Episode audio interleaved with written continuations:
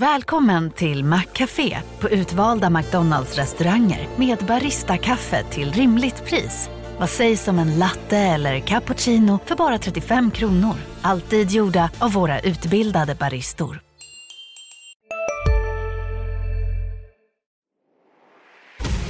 För nionde året i rad samlar Dagens Industri försäkringsbranschens tungviktare. Den 31 januari möter du bland andra Frans Lindelöf från Skandia, Caroline Farberger från ICA Försäkring, Torbjörn Magnusson, If, Åsa Mindus Söderlund, Avanza Pension och Jens Henriksson, Folksam, på vår branschkonferens Försäkring. På agendan står de viktigaste framtidsfrågorna för sak och livbranschen. Vem vinner framtidens försäkringsaffär? Och hur möter försäkringsbolagen hotet från de nya aktörerna i branschen? Anmäl dig, Anmäl dig idag på di.se di.se konferens. Makrorådet från Dagens Industri.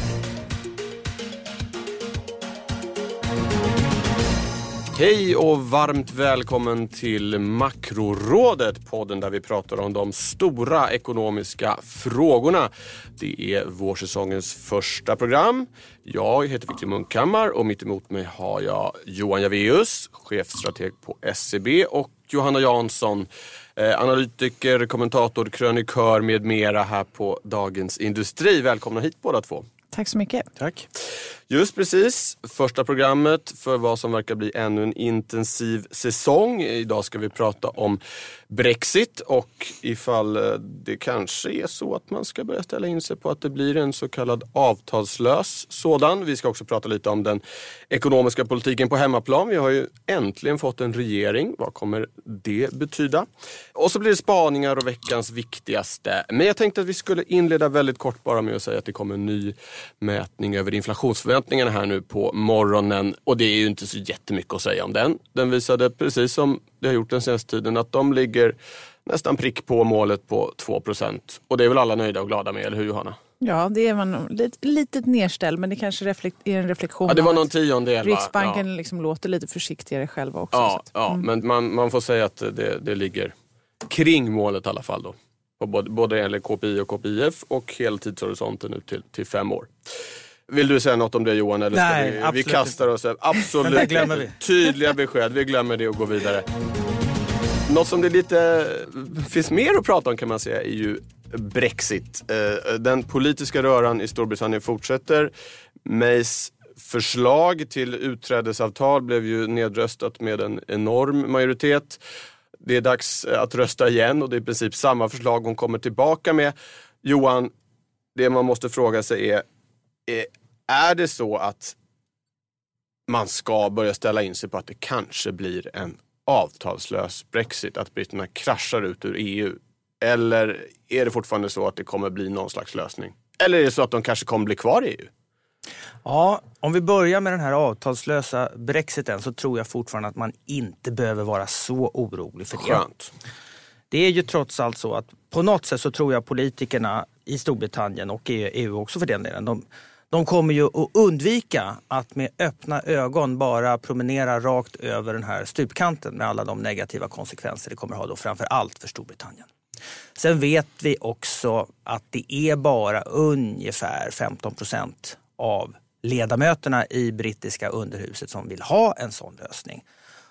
Och det gör åtminstone i mina ögon det här väldigt osannolikt att det skulle landa där. Och av de andra alternativen då? Det har ju mer och mer prat om en andra omröstning eller åtminstone att eh, skjuta på det här utträdet som är tänkt att äga rum den, den 29 mars. Eh, hur ser du på de eh, alternativen? Ja, det troligaste är ju, tycker jag, idag att det blir någon sorts förlängning av den här tidsfristen. Sen är ju det någonting som i sin tur kommer leda till någon lösning. Antingen så blir det ett, ett avtal, Mays avtal eller någon, någon, variant på Mays avtal eller kanske en ny omröstning. Ja. Så att eh, jag, jag, tycker fortfarande att även om alla räknar ut Mays avtal och säger att det är i princip dött så tycker jag nog, man får inte glömma att hon har ju fördelen att hon sitter ju i mitten.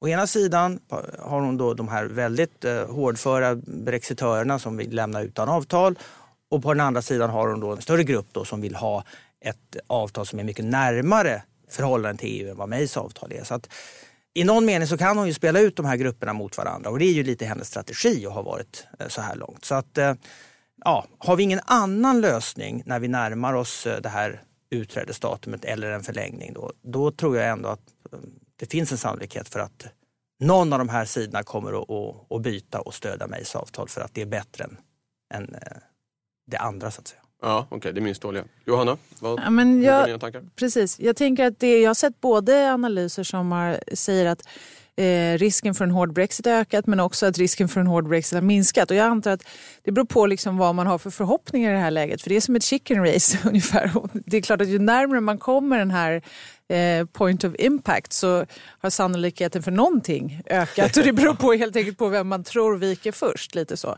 Men precis som Johan så är jag inne på att man ska nog inte avfärda Mays eh, avtal eller hennes förslag. Därför att det verkar som att hon ändå ska försöka presentera ungefär det med lite revideringar en gång till. Men sen är det också så här, en no deal Brexit skulle ju vara väldigt jobbigt. Därför att, och det är många som är oförberedda på det och vi har hört Kommerskollegium nyligen som har kommit ut med en enkät som visar att företag i Sverige är inte förberedda på det här. Men jag är mer orolig för att, eh, alltså att ett avtalslöst Brexit skulle ändå vara bättre än en än en evig brexit. Alltså att de liksom fastnar i det här limbot som det ibland kan bli när det handlar om EU och politiken och den här typen av förhandlingar. Att man förlänger och så vet ändå ingen riktigt vad det är som ska hända. Och är det då ett övergångsavtal i all evighet, ja, men då drar man ju liksom aldrig av det här plåstret. Och det är klart att vi kommer ju aldrig få de här akuta effekterna via finans, eller akuta, men ska man säga abrupta effekterna via finansmarknaden med en sån limbolösning. Men men jag inbillar mig att det skulle ändå vara som att lägga liksom en våt filt över Storbritannien som ändå är en dynamisk ekonomi i grund och botten under ganska lång tid. Och vi har ju redan nu att företag funderar över att flytta in i EU. Sony var ute nu och sa att de funderade på Nederländerna till exempel. Det finns andra som kanske då lämnar Storbritannien eller är kvar i någon slags limbo. Jag tänker så här, om man väljer mellan en utdragen process och en mer abrupt så lutar jag hellre åt en abrupt. Men, ja. ja. du kommer ut som en hård brexitör här då. Ja, ja. Det, det, är jag och, eh, det är jag och han den här... Jacob Rees-Mogg. Exakt. Ja, ja, som nästan framstår som en seriefigur i vissa, på vissa sätt. ja, det är jag och seriefigurerna. Ja, ja, ja. Okej, okay, men, men eh, i grund och botten då ändå så fortfarande Johan, så om man tänker hur, hur marknaden ser på det så är det ingen riktigt som ändå bör, har börjat oroa sig för att det ska bli en Brexit utan avtal? Det finns många som oroar sig. Ja, men, men som tror men, det då? Eller men liksom... Det här har inte börjat prisats in av marknaden nej, än. Nej. Och vi har ju sett att det har ju varit väldigt små marknadsrörelser i, i pundet till exempel ja. under eh, den här sista turen då med, med debatter om, om eh, Men Det har gått sidledes sen den här ja, omröstningen precis. i stort sett. Ja, ja, mm. Så att, nej, eh, jag tror fortfarande att eh, marknaden har stor förhoppning på att politikerna kommer lösa det här på något sätt. Ja. Och det kan bli då en, att man mm. förlänger och skjuter fram problemet. Men, men, och även om jag håller med om att det är ju det är ett dåligt tillstånd om det skulle förlängas i all evighet. Så mm. på kort sikt blir det mm. ingenting akut av det. Finansmarknads, eh, alltså för finansmarknaden så blir det ju mer, en, då blir det mer av en gäspning. Så, men... Ja. Realekonomiskt. Okej. Okay. Bra, det är ju, vad ska vi säga, det är den 23 januari idag så det är sex dagar och två månader kvar tills eh, britterna ska lämna. Vi hinner återkomma med andra ord i denna podd till eh, detta ämne. Vi eh, flyttar tillbaka till Sverige och konstaterar att vi till slut fick en regering. En regering som eh, till att börja med ska regera på två andra partiers budget. Eh, men så småningom förstås försöka driva eh, lite egen ekonomisk politik. Och det är ju lite höljt i dunkel än så länge. Det finns ju den här eh, listan med 73 punkter men exakt vad, vad det här kommer att landa i är väl, är väl oklart. Men Johanna, mot bakgrund av det vi ändå vet, vad kan man tänka sig att det här kommer att ha för påverkan på ekonomin? Då kan du välja liksom konjunkturellt och strukturellt. Oh, vad spännande. Plocka på dig bara. Oj, oj, oj. Det blir som en godispåse det här. Men, eh, nej, men alltså, det är klart att den regering som vi har nu ser på ytan likadan ut som den gjorde för fyra år sedan. Men det är ändå en tydlig högersväng. Inte bara för att de regerar på en högerbudget då, men sen också för att den här januariöverenskommelsen är Eh, åtminstone ska man utreda en politik som går åt ett mer marknadsliberalt högerhåll. Det tycker ju många som jag, då, ekonomer, eh, nationalekonomer, är bra, rätt riktning att gå. Men inte tillräckligt och vi kanske kommer tillbaka till det. Det finns massa grejer som man gör lite av men borde göra betydligt mer av. Och sen när det gäller konjunkturellt så ja, det är frågan om alltså. Men det är bra, det är lite expansivt. Man spenderar lite mer och det, gjorde, det var även den här eh, budgeten som är MKD-budgeten var marginellt expansiv. Och nu när det ändå ser ut som att svensk ekonomi bromsar in, ja men då kan ju det vara liksom positivt att hålla den lite under armarna. Sen om finanspolitiken har tillräckligt med muskler för att verkligen hålla uppe svensk ekonomi om en lågkonjunktur kommer, det är nog mer tveksamt. I alla fall om man ska hålla sig till alla ramverk och så. Det, med överskottsmål och liknande? Ja, exakt. Därför att det, det, behövs en hel del pengar både ute i kommuner som har ett stort eh, finansiellt ansvar nu för liksom, skola, vård och omsorg och sådär. Så det är frågan om man mäktar med att göra mer än det under nästa mandatperiod. Men, men eh, det är väl i alla fall rätt att den är lite mer expansiv nu än vad den har varit de senaste åren. Ja. Så tänker jag.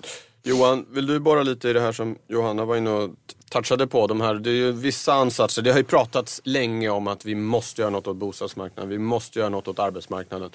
Eh, och, och, vissa steg mot det är det ju tänkt att tas efter att de här utredningarna har tröskats igenom i alla fall. Är, är, det, är det de här liksom, reformerna som ekonomkåren ganska unisont har efterlyst eller vad, vad, vad, vad tycker du? Ja, men det är ju ett, ett första steg då med, med, att man förändrar hyressättningen och, och man tar bort värnskatten. Så det är mm. två förändringar på bostadsmarknaden och respektive inkomstbeskattningen som jag tror många ekonomer har efterlyst under rätt lång tid. Sen måste man ju då tänka sig att man ska kunna göra mer för att man ska kalla det här för en riktigt stor skattereform. Och då bör man ju börja fundera på ränteavdragen, på fastighetsbeskattningen och kanske på ytterligare förändringar i i hela inkomstskattestrukturen. Ja. Sen är ju frågan då om eh, vad, vad Löfven egentligen menade med det här med skattereform. Om det är just de här 73 punkterna som man redan kommit överens om och det i princip är så att Socialdemokraterna har nu gjort så mycket eftergifter att man, eh, det här är, man har slått i taket för vad man är beredd att göra under de kommande mandatperioden. Och I så fall blir det ju inte mer än det här. En mer positiv tolkning det skulle ju vara att man ser det här som ett första steg och sen ska man bygga vidare på det här med, med ännu bredare uppgörelser. Och um, man kan väl säga att det finns ju vissa saker som skulle kunna tala för att det blir på det sättet. Eh, man har, Socialdemokraterna har nu tvingats släppa det här eh, en stor del av det här ideologiska, traditionella socialdemokratiska bagaget som jag tycker man har släpat på när det gäller mycket av den ekonomiska politiken som har blivit allt mer otidsenligt. Det har man liksom blivit av med nu. Frågan är om man då kan ta ytterligare steg. Eh, sen är nästa fråga då, kan det bli bredare uppgörelser än inom den här fyrpartikonstellationen som finns idag? Kan man få in Moderaterna och KD på no no någonting av det här? Och då kan man fundera på Moderaterna och KD, de är ju idag helt bortkopplade under de kommande fyra åren. Så deras enda möjlighet att få något inflytande det är ju att delta i den här typen av lite större överenskommelser på olika områden.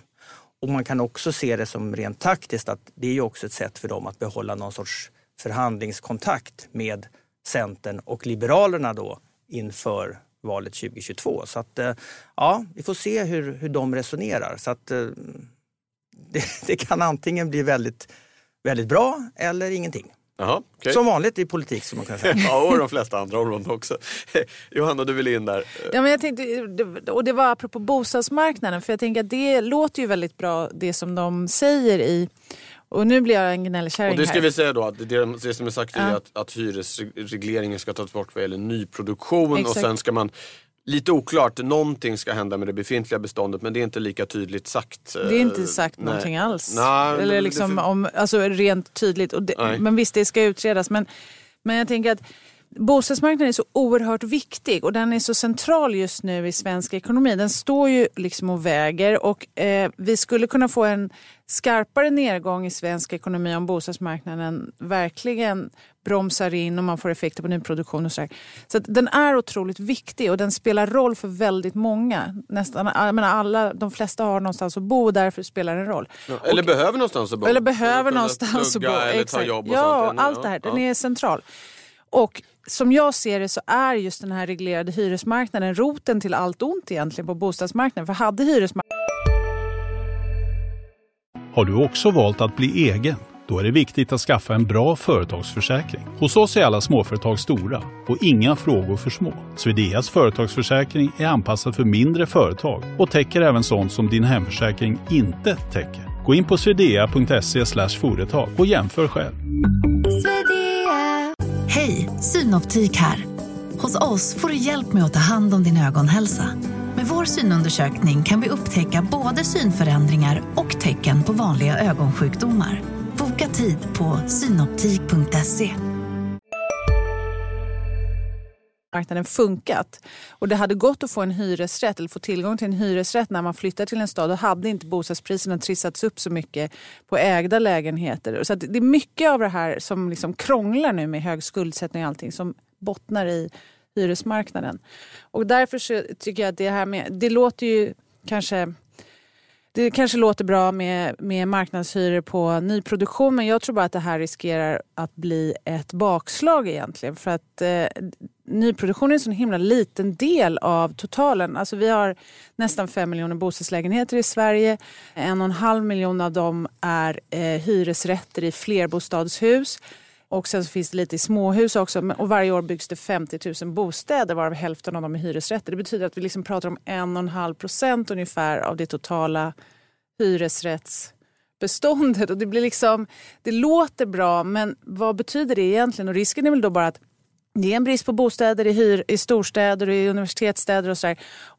Då trissar man ju säkert upp de här marknadshyrorna på de här mer än vad egentligen som är motiverat. Därför att helt plötsligt finns det tillgång, ett utbud och så trissar man upp priserna på dem. Och det kommer ju bara göra att folk tror att Jaha, men hjälp, marknadshyror, då kommer det bli liksom, det kommer aldrig funka för de hyrorna blir för höga och så, och så har man bara liksom slagit en spik i sin egen fot helt enkelt. Ja. Så att jag tror att det är alldeles för lite på den punkten och eh, sen det som Johan är inne på också, om man pratar om en riktig skattereform då ska man ta alla delar och då handlar det också om sånt som är lite obekvämt men när man får ge och ta lite. Man kanske tar lite när det gäller ränteavdragen så får man ge lite när det gäller inkomstbeskattningen och så. Mm. Så att här kom gnällkärringen.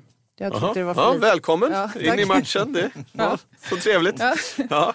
Okay, Johan, har du någon eh, sista kommentar på det här? Eller ska vi, uh... ja, men en, en liten reflektion. just Jag håller med om det här med att vi behöver en friare hyressättning. Och en del i det, det skulle också kunna vara att det blir lättare för de som äger en lägenhet att faktiskt hyra ut den. Just det, den, uh, som, en modell som finns i många andra länder. Ja, ja. Okej, bra. Även det här får vi återkomma till när det är lite mera, vi vet lite mer om vad det blir för någonting. Exempelvis i samband med vårbudgeten som ju blir regeringens faktiskt eh, första chans att sätta lite avtryck på den ekonomiska politiken. Då går vi vidare med eh, spaningen. Johanna, vill du börja? Vad har du med dig eh, idag? Ja, nu hoppar vi från svenska hyresmarknaden till eh, till någonting annat. Jag tänkte prata lite centralbanker. Ja. Eh, vi, eh, det är ju faktiskt så att eh, det är på tapeten att byta ut eh, den, eh, chefen för den europeiska centralbanken, Mario Draghi. Och han ska ju äntra scenen här i veckan. ECB eh, e har möte nu på torsdag och ska lämna räntebesked. Och ingen tror att de ska göra någonting med räntan. Men han har ju, sen kan man ju tycka att spelar det någon roll egentligen vem som sitter som centralbankschef. Men lite roll spelar det ändå. Jag tycker att man märker en skillnad på hur Fed beter sig nu under Jerome Powell jämfört med hur de betedde sig under Janet Yellen. Och jag tror inte bara det är att vi har kommit längre i konjunkturen utan det, de sätter ändå en viss prägel på, på det här. Och ECB innan Mario Draghi så förstod man eh, då Innan honom så var det Jean-Claude Trichet bland annat, en fransman. Och han gjorde en del misstag. Det kanske inte var bara hans fel men han fick liksom ändå klä skott för det. De höjde lite för sent innan finanskrisen och så här, precis som den svenska riksbanken. Men Mario Draghi har gjort, han har varit väldigt eh, omhändertagande när det gäller finansmarknaden kan man säga. Han eh, sa till exempel det här whatever it takes för att hålla ihop eh, eh, euron och fick liksom lugnade ner marknaderna i samband med finanskrisen. Och han var nog förmodligen också kanske delvis drivande i att ECB ändå tog tag i det här och gick ut med den här stora bazookan som man kallade när de började med sina tillgångsköp 2015. Så att han har varit väldigt finansmarknadsvänlig inom citationstecken. Det vill säga hållit nere räntorna och stått för ökad likviditet. om man ska titta på såna här vad, vadslagningsfirmor, man kan faktiskt handla på det här med centralbankschefer på eh, olika sajter, så verkar eh, oddsen ligga eh, till förmån för lite tuffare personer den här gången. Bland annat eh, några finnar som inte på något sätt är superhökaktiga och ska iväg och höja räntorna och så, men ändå lite mer åt det hållet och lite mindre daltande kanske med marknaden. Erik Likkanen är en eh, som har varit uppe på tapeten. Olle Rehn en annan. Och sen så finns det också som är något mer av en högoddsare men den före detta tyska eh, chefen för Bundesbank, Jens Weidmann, som är definitivt någon som inte gillade QE och gärna hade sett en lite stramare penningpolitik. Så att det här dröjer. Precis, 31 oktober är Exakt. sista dagen på Ja. jobbet för Mario Draghi. Då löper Ja. hans åttaåriga mandat ut. När kommer vi Men det är börja- också under hösten som man har tänkt sig att ECB ska Precis, börja höja räntan. ska börja höja räntan. Kan det Ja. vara så att han vill hinna med en höjning innan han slutar ränta av? Av någon slags det vet jag inte. estetiska skäl? Ja, kanske. Det är, det är möjligt så. Men, eh, men det här är ju någonting som då kanske att ECB svänger under nästa, nästa år då, eller slutet av Ja. innevarande år och nästa år och blir lite mindre, lite mindre snälla. Ja. Så lite, Eller snälla mot, eh, mot liksom de som Ja, gillar låga räntor och hög. Men hög när är det vi kommer få veta? Det är inte så att det är liksom på kvällen den 31 oktober Nej. vi vet den här personen tar över imorgon bitti. Utan när, får vi, när kan man räkna med att veta vem som kommer Nej, att ta men över? Det borde vi veta här under slutet av våren, tänker jag, sommaren. Ja, för Ja. Då, det ska ju röstas om det här så det är ju inte... Ja. Men man ska i alla fall ställa Och- in sig på att ECB får en något mer hökaktig chef första november. Yes, Ja. Jag tänker ställa in mig på det. Sen, Ja, de, de som, sen kan man hålla koll på, det finns då som sagt de här, eh, man får titta på oddsen så. Och, de, och vill man ha någon Mario Draghi-liknande då ska man nog hoppas på någon som kommer kanske från Frankrike eller, eller så. Men, Mm. det, men just nu så verkar det ligga åt det mer liksom, lite eh, ja, strängare hållet. Är det så att det finns liksom en, det brukar ju vara så i EU att om, om någon från den ena delen av området har varit chef för någonting ena perioden så blir det andra nästa. Nu har vi då som sagt haft Trichet, en fransman och Draghi, en italienare. Är det dags för en nordeuropé. Så kan, då? det, så kan det vara. Och då tror jag så här, man ska tänka, nu blir, det blir väldigt fluffigt när man talar kring det här, men då kanske Finland är en bra kompromiss. Tyskland hade varit för strängt med Jens Weidmann och Finland Ja. är en mer neutral mark då. Än, Ja. att, eh, Estlands Hansson då? Som- kanske. Ja. Ja. Ja. Han är inte med på just eh, de här eh, som jag har sett, eh, just de här odds, eh, odds-sammanställningarna, men visst. Ja, ja.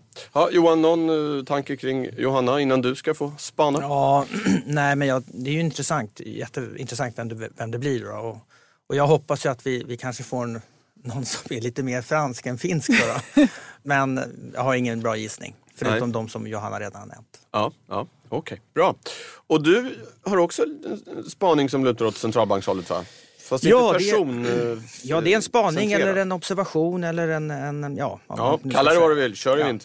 Nej, men, eh, jag tycker det är ändå intressant att eh, se hur centralbankerna har svängt runt eh, här som följd av den marknadsturbulens och, och signaler om svagare Ja, konjunktur. medan makrorådet har varit på jullov kan man väl nästan säga. Ja, precis. Det har, skett, det har skett rätt så snabbt. Och vissa kallar det till och med 180 graders vändning och, och sådär. Men, men tydligast är ju Fed. Då, då. Och, och visserligen har man då på pappret kanske inte gjort en dramatisk förändring. Man har gått från att säga att man ska höja tre gånger i år till att man ska höja två gånger i år. Vi tror att det blir en gång. Marknaden tror att det blir ingen höjning alls. Va?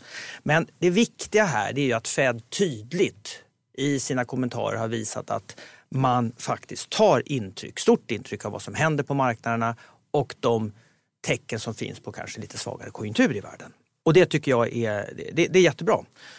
Vi har även sett eh, ECB och Riksbanken tar ju rätt så små steg när det gäller höjningar i år. Vi kanske pratar om en höjning från vardera centralbank under hela 2019. Så att det är tydligt att centralbankerna verkligen vill göra sitt för att hålla den här högkonjunkturen vid liv så länge det går.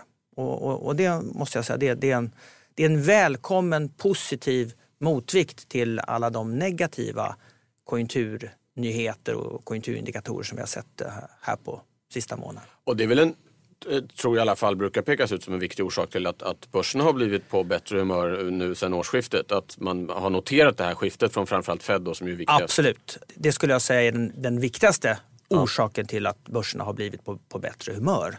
Och man, man, kan ju säga att det är viktigt vad ECB gör, det är viktigt vad, vad andra centralbanker gör. Men till syvende och sist så är det Fed alla tittar på. Ja. Jag såg nu i veckan, tror jag det kom för första gången, någon analysfirma som till och med gick ut och sa att eh, Fed kommer sänka i år. Ja. Eh, den första, är det, den, den, så långt går inte ni då? Ni tänker att det Nej, det, det en, gör en, vi inte. Bara men, en höjning? Men det betyder ju inte att ett sånt scenario är uteslutet. Det viktiga här det är att Fed har signalerat att man tar intryck, tydligt intryck av vad som händer på marknaderna och vad som händer med konjunkturen. Så skulle vi få konjunktursignaler som fortsätter att peka söderut så är det klart att då är en sänkning redan i år absolut inte omöjlig på något sätt.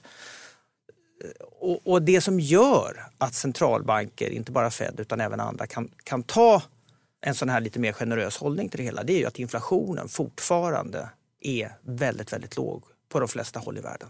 Ja. Och, och det är på något sätt garantin för att centralbankerna kan fortsätta att vara väldigt stimulativa i sin politik. Eh, jag måste bara fråga då, eftersom Riksbanken är ju viktig för oss. Eh, och där är det ju som sagt, de flesta räknar med att det blir en höjning. Eh, de säger själva någon gång under andra halvåret. Många tror väl kanske oktober eller till och med december. Men hur nära tror du att det är? Hur mycket krävs det för att det ska tippa över så att det inte blir någon mer höjning? I alla fall inte i år från, från Riksbanken. Hur, Ja. Nu är det långt bort i tiden men ändå. Jag tror inte att det är jättemycket. Utan man kommer att titta rätt så pragmatiskt på det här och säga att okej, okay, är det läge för att höja nu? Ja, antingen ser konjunkturen helt okej okay ut så att man, då är det inga problem att göra det. Men om det inte ser okej ut och vi kanske börjar få förväntningar till och med att Fed är på väg att sänka, då tror jag att Riksbanken är rätt så tveksamma till att fortsätta i andra riktningen. Ja. Johanna, kort eh, kommentar på Johan om du vill innan vi går vidare. Ja men absolut, men sen så tänker jag också att det, det kommer ju spela roll vad centralbankerna gör. För att när de var i höjningstagen och ångade på, då hade de nog kunnat kväva konjunkturuppgången nästan innan den var färdig. Men nu när de tar det lugnare, ja men då kanske det kan hålla på lite längre. Så det är precis som Johan säger, det beror ju helt enkelt på vad de gör. Och då kanske det ser lite bättre ut i mitten av det här året än vad det gör just nu. Men jag tror att det kommer bli värre innan det blir bättre konjunkturmässigt. Alltså de här signalerna vi får in. Ja, ja. Mm. All right. Bra, då tar vi programmets sista punkt som är veckans viktigaste. Alltså vad får man absolut inte missa och hålla koll på den allra närmaste tiden. Eh, Johanna, vad Ja, nu har jag varit lite inne här på centralbankerna så jag kommer ju ändå vilja titta på när Mario Draghi ska upp på scenen här och presentera ECB-beskedet på torsdagen. Och eh, han eh, följs också av Norges Bank som faktiskt inte kanske höjer nu men ändå eh, flaggar för höjningar. Eh, och sen är det bara en knapp vecka kvar till, eh, tills Fed går in i sitt mötesrum och de ska ju börja ha presskonferenser efter fler möten nu. Så att, um, Precis. Ja. Det är inte längre det här, de här döda mötena är ju borta. Nej. Även om ingen räknar med att det blir någon Nej, höjning nu. det är fortfarande det ett sånt här mellanmöte då som ja. man brukar kalla det. Men, men det är väl ändå rimligt för att man inte ska låsa in sig. Kanske också vara lite som Johan säger, mer flexibel i att eh, ja, kunna svara på ny information och ja, ta till sig det som händer och sådär. Så ja. det är positivt. Mm. Flera centralbanker att hålla koll på alltså. Yes. Johan, vad ja, men Jag lyfter fram då eh, konjunkturstatistik från USA som vi får nästa vecka. Eh, jag tror på fredag. Får vi både en ny inköpschefsindexsiffra, ISM. Eh, den följde jättekraftigt i förra månaden så att det blir väldigt intressant att se om det här fallet fortsätter eller om det stabiliseras. och jobbstatistiken då förstås, och som ju var urstark senast ja. och lyfte humöret ja. en, en del. Ja, Absolut. Okay, ja. Bra, tack ska ni ha. Tack ska du ha som har lyssnat. Eh, Makrorådet är tillbaka den eh, 6 februari. Den som vill lyssna på andra poddar har ett digert utbud att välja bland. Exempelvis Analyspodden som vi gör här varje fredag. Det finns också Digitalpodden och intervjupodden Förnuft och känsla. Så att, eh, eh lyssna på bara och så hörs vi om två veckor. Tack för idag. Hej så länge. Makrorådet från Dagens Industri. Podden klipps av Umami Produktion. Ansvarig utgivare Peter Fällman. För nionde året i rad samlar Dagens Industri försäkringsbranschens tungviktare.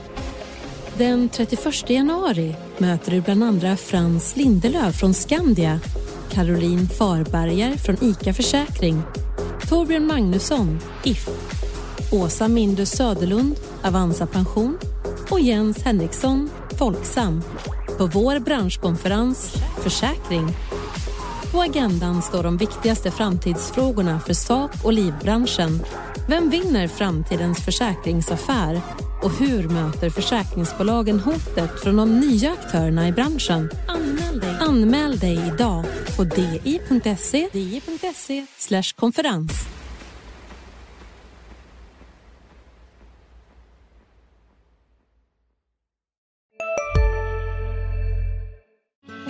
Susanne Axel här. När du gör som jag och listar dig på en av Krys vårdcentraler får du en fast läkarkontakt som kan din sjukdomshistoria. Du får träffa erfarna specialister, tillgång till lättakuten och så kan du chatta med vårdpersonalen. Så gör ditt viktigaste val idag, listar dig hos Kry. Ni är med om det största. Och det största är den minsta. Ni minns de första ögonblicken. Och den där blicken gör er starkare. Så starka att ni är ömtåliga. Men hittar trygghet i Sveriges populäraste barnförsäkring. Trygg Hansa. Trygghet för livet.